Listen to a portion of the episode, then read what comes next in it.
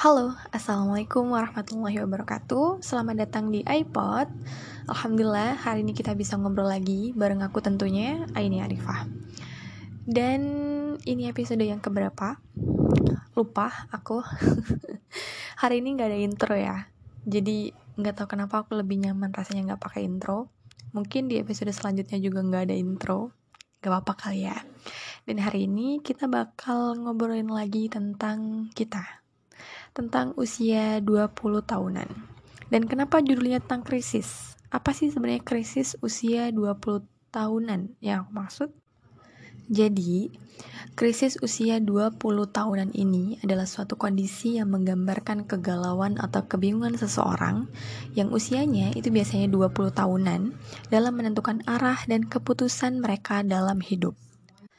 Yang biasanya membuat bingung atau galau itu karir, pasangan, kemudian pencarian jati diri. Dan kondisi ini ternyata nggak bisa kita anggap remeh, karena kadang itu bisa jadi salah satu penyebab terjadinya depresi. Mungkin ini salah satu bentuk sharing aku juga ya, bahwa aku juga pernah ngalamin krisis usia 20-an ini. Karena seperti yang sering aku ceritain sebelumnya sama teman-teman di podcast aku juga, bahwa ini Arifah juga sempat kacau karena nggak dapat kerja. Karena bayangan aku bayangan aku terlalu enak dan gampang gitu. Mikirnya lulus kuliah bakal langsung dapat kerja enak gitu kan bla bla bla dan sebagainya. Ternyata nggak segampang itu cinta. Nggak segampang itu. Makanya aku sempat bingung dan galau banget waktu itu. Dan ternyata ada banyak juga teman-teman aku yang pernah merasakan hal yang sama. Atau bahkan bisa dibilang ini adalah krisis yang dialami oleh hampir semua anak di usia 20 tahunan mulai dari kehilangan kepercayaan diri, kemudian insecure, entah karena ngeliat temen kerjanya keren banget, sedangkan aku masih kerjanya biasa aja, atau ngeliat temen kulitnya glowing banget, cantik banget, sedangkan aku hitam, kucel gitu. Terus ngeliat temen udah pada nikah nih, aku belum. Ngeliat temen-temen tuh udah ada yang gini, ada yang gitu, tapi kok aku gini-gini aja sih kok aku nggak ngapa-ngapain gitu. Ada aja pikiran-pikiran negatif tentang diri sendiri. Dan aku sempat kepikiran kok aku mikirnya negatif terus ya? Seakan-akan aku nggak ada bagus-bagusnya gitu. Seakan-akan kayak aku diem-diem aja dan gak ada usaha. Padahal aku adalah sebaik-baik ciptaan Allah ya kan? Aku juga udah berusaha keras entah itu dalam mencari kerja atau lainnya juga kok aku mikirnya kok tega banget? Aku nggak ngasih apresiasi sama diri sendiri malah bikin apa ya diri makin rendah diri makin nggak pede dan ngebandingin hidup aku sama hidup orang lain terus. Dari situ aku mulai sadar bahwa nggak bisa nih aku sakit kalau kayak gini gitu. Hampir setahunan tuh aku ngerasain hal ini. Bahkan mungkin orang tua juga nggak tahu. Mulai cari cara untuk sembuh dari krisis usia 20 tahunan ini aku mulai baca buku buku bacaan tentang ini ya tentang ya gimana caranya buat ningkatin kepercayaan diri dan sebagainya. Aku dengar podcast juga, terus aku dengerin hal-hal yang positif. Dan mungkin beberapa hal atau cara sembuh yang aku maksud tadi itu bisa aku sharing di sini. Dan yang pertama mungkin yang pertama tuh berhenti membandingkan dirimu dengan orang lain. Berhenti membandingkan dirimu dengan orang lain tentang apa pun itu entah pekerjaan ya, pasangan, apalagi ya, uh, wajah gitu ya, bentuk tubuh, keluarga dan lain-lain. Karena itu nggak akan ngerubah apa pun selain ngebuat kita semakin tidak bersyukur dengan apa yang kita miliki. Mungkin kita mulai dari pekerjaan dulu kali ya. Uh, coba deh tanya sama diri sendiri, kapan sih seseorang itu bisa dikatakan sukses? Apa dengan pekerjaan berdasi dan ruang ber-AC? Apa dengan seseorang yang punya titel atau gaji tinggi atau kendaraan keren? Setuju gak sih kalau sebenarnya standar standar sukses yang seperti itu adalah standar sukses yang dibuat oleh lingkungan kita? Dan setuju gak sih kalau nyatanya standar sukses setiap orang itu berbeda-beda? Kadang kita tuh dituntut oleh standar yang dibuat oleh orang lain bahwa usia 20 tahunan harus sudah punya kerja, usia 20-an harus sudah punya pasangan, harus sudah ini, harus sudah itu gitu. Dan seakan-akan jika kita belum punya semua itu di usia yang sekarang, de, apa ya yang kita lakukan sekarang tuh kayak nggak masuk dalam kategori pencapaian gitu. Kayak kita belum dibilang sukses itu loh gitu. Mungkin itu alasan kenapa kita selalu merasa kurang dan akhirnya membandingkan diri kita dengan orang lain dan aku yakin banget banyak orang yang juga ingin keluar dari kondisi yang seperti itu dan itu mungkin juga alasan kenapa muncul istilah self love bahwa mencintai diri sendiri itu penting dengan tidak mengubah nilai hidup kita ke versi hidup yang orang lain dikte, uh, versi hidup yang orang lain pengen. Dan apakah semudah itu? Tentu enggak, tentu enggak mudah, tentu enggak segampang kedengarannya. Tapi makin dewasa, frekuensi pengucapan kalimat pelipur lara. Ya udah nggak apa-apa gitu lah. Semakin meningkat pesat ya nggak sih? Apa pun yang terjadi kesehatan mental itu jadi prioritas utama. Ya udah nggak apa-apa. Emang kita nggak bisa ngatur omongan dan perasaan ke orang lain. Ya udah nggak apa-apa. Hasil mah urusan Allah yang penting usaha dulu. Ya udah nggak apa-apa. Mari kita susun ulang rencananya ya ya udah nggak apa-apa ya udah nggak apa-apa gitu. Ya udah nggak apa-apa ini adalah kalimat sakti penyelamat situasi agar bisa berdamai dengan diri sendiri gitu. Karena sudah waktunya kita harus menyelamatkan diri minta maaf sama diri sendiri karena kurang berterima kasih uh, padahal selama ini diri kita udah berjuang. Karena sukses mereka adalah hasil dari apa yang mereka perjuangkan dan suksesnya kita adalah apa yang telah dan akan kita perjuangkan. Setuju kan ya? Tidak apa-apa untuk orang-orang yang gak setuju bisa hubungin aku ya nanti. dan untuk soal pasangan nih. Ini juga jadi hal yang sering banget bikin pusing ya belum lagi orang-orang yang selalu nanya kamu kapan? Pacar mana? Tunangan mana? gitu. Ditambah lagi dengan circle pertemanan yang beberapa udah mulai nikah mulai jarang bisa diajak ketemu. Dan aku yakin itu jadi kepikiran untuk beberapa orang uh, atau mungkin beberapa lain juga santai aja gitu ya. Nggak terlalu mikirin soal jodoh gitu. Dan kebetulan di circle aku beberapa sudah menikah. Ya kalau yang belum ya mereka udah ada tunangan gitu. Dan aku masih sendiri. Alhamdulillah. Dan kalau ditanya bingung apa enggak ya aku nggak bisa bohongin diri aku. Ya pastinya aku bingung. Tapi aku sadar bahwa Allah sebaik-baik pengatur waktu. Dan aku inget banget di tahun lalu waktu aku bingung soal pekerjaan aku berusaha kirim loker ke mana-mana gitu. Mulai dari email kemudian langsung datang ke tempat lokernya ikut job fair juga dan itu aku lakuin setahunan lebih gitu ya kalau nggak salah. Dan beberapa kali ikut interview sebenarnya tapi Allah memang nggak ada panggilan lagi setelah itu. Dan akhirnya aku dapat kerja dan ini adalah pekerjaan pertama aku setelah aku lulus kuliah dan mungkin aku udah pernah uh, udah pernah cerita ya. Alhamdulillah ini sekarang udah kerja di SMP Islam di kota aku.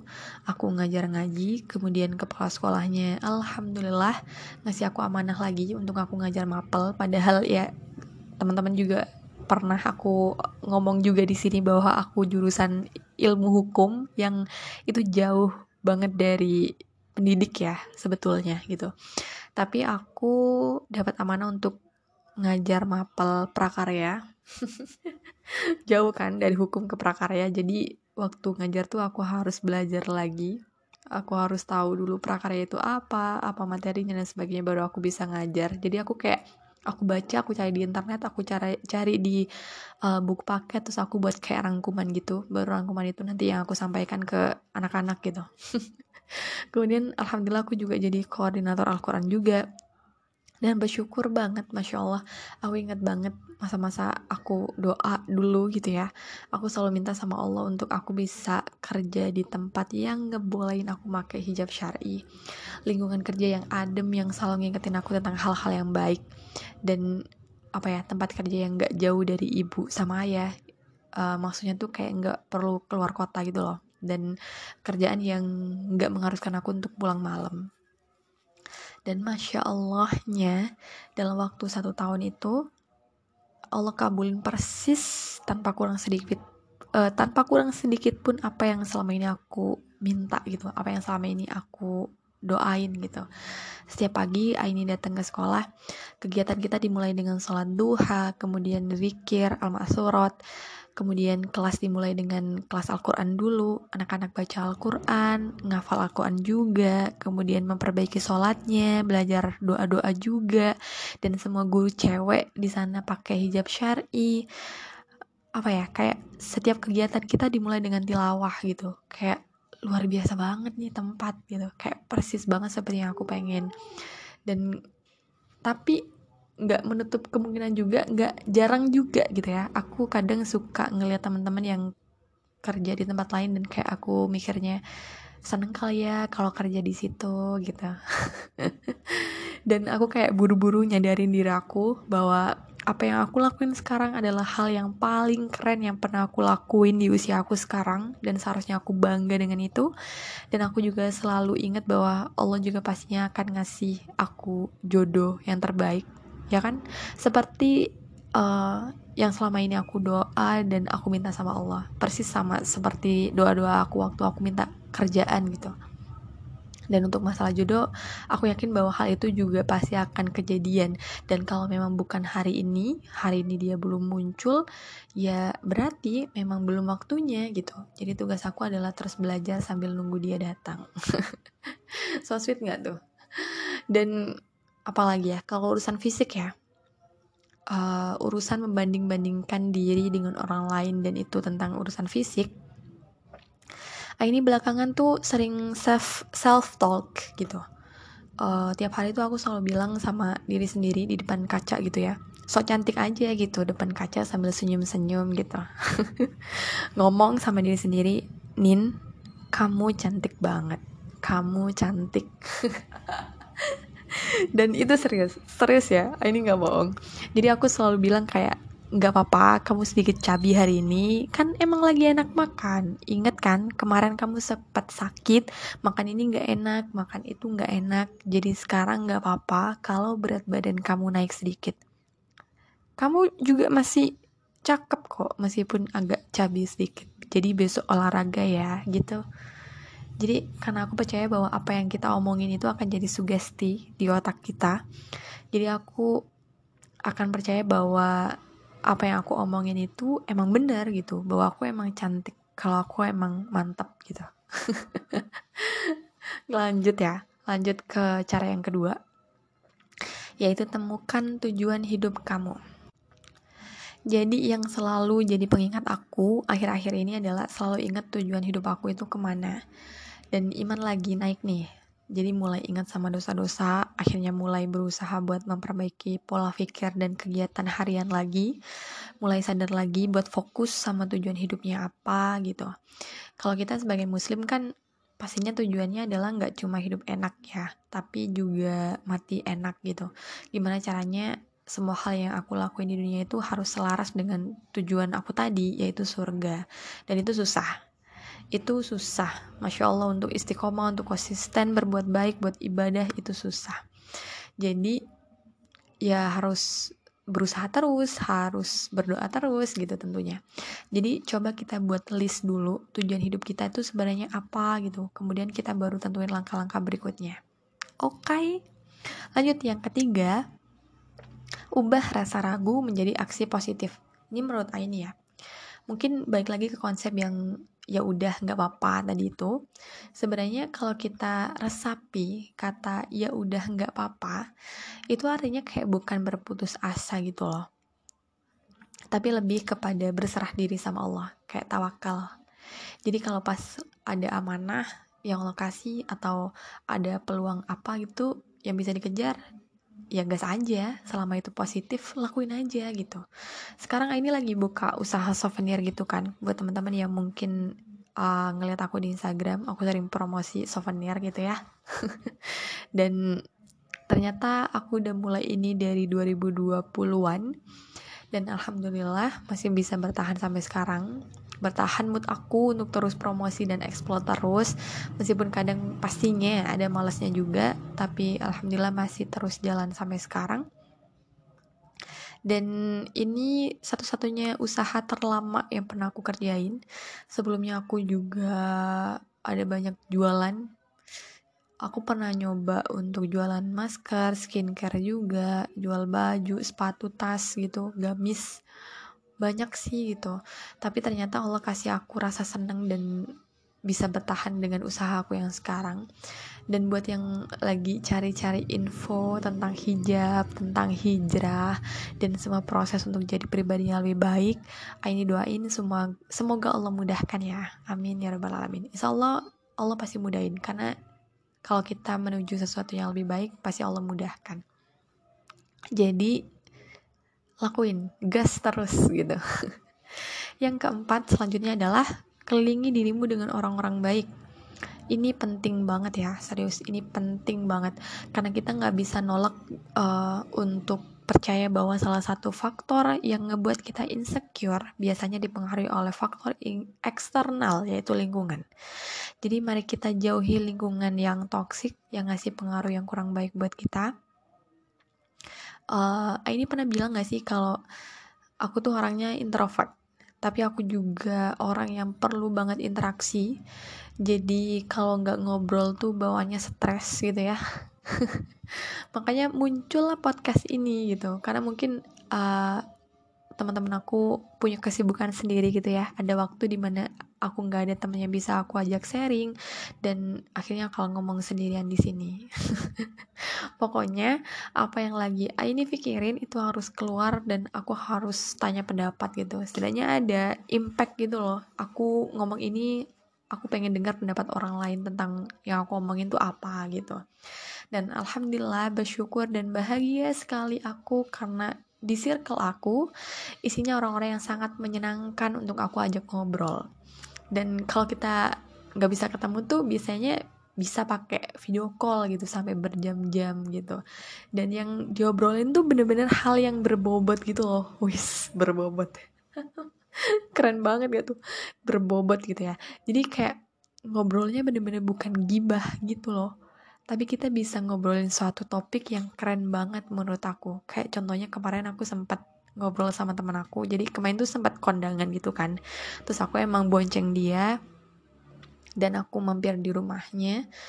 Uh, nggak tahu kayaknya hampir tiga jaman kita ngobrol dan waktu itu topiknya tentang bahayanya berprasangka.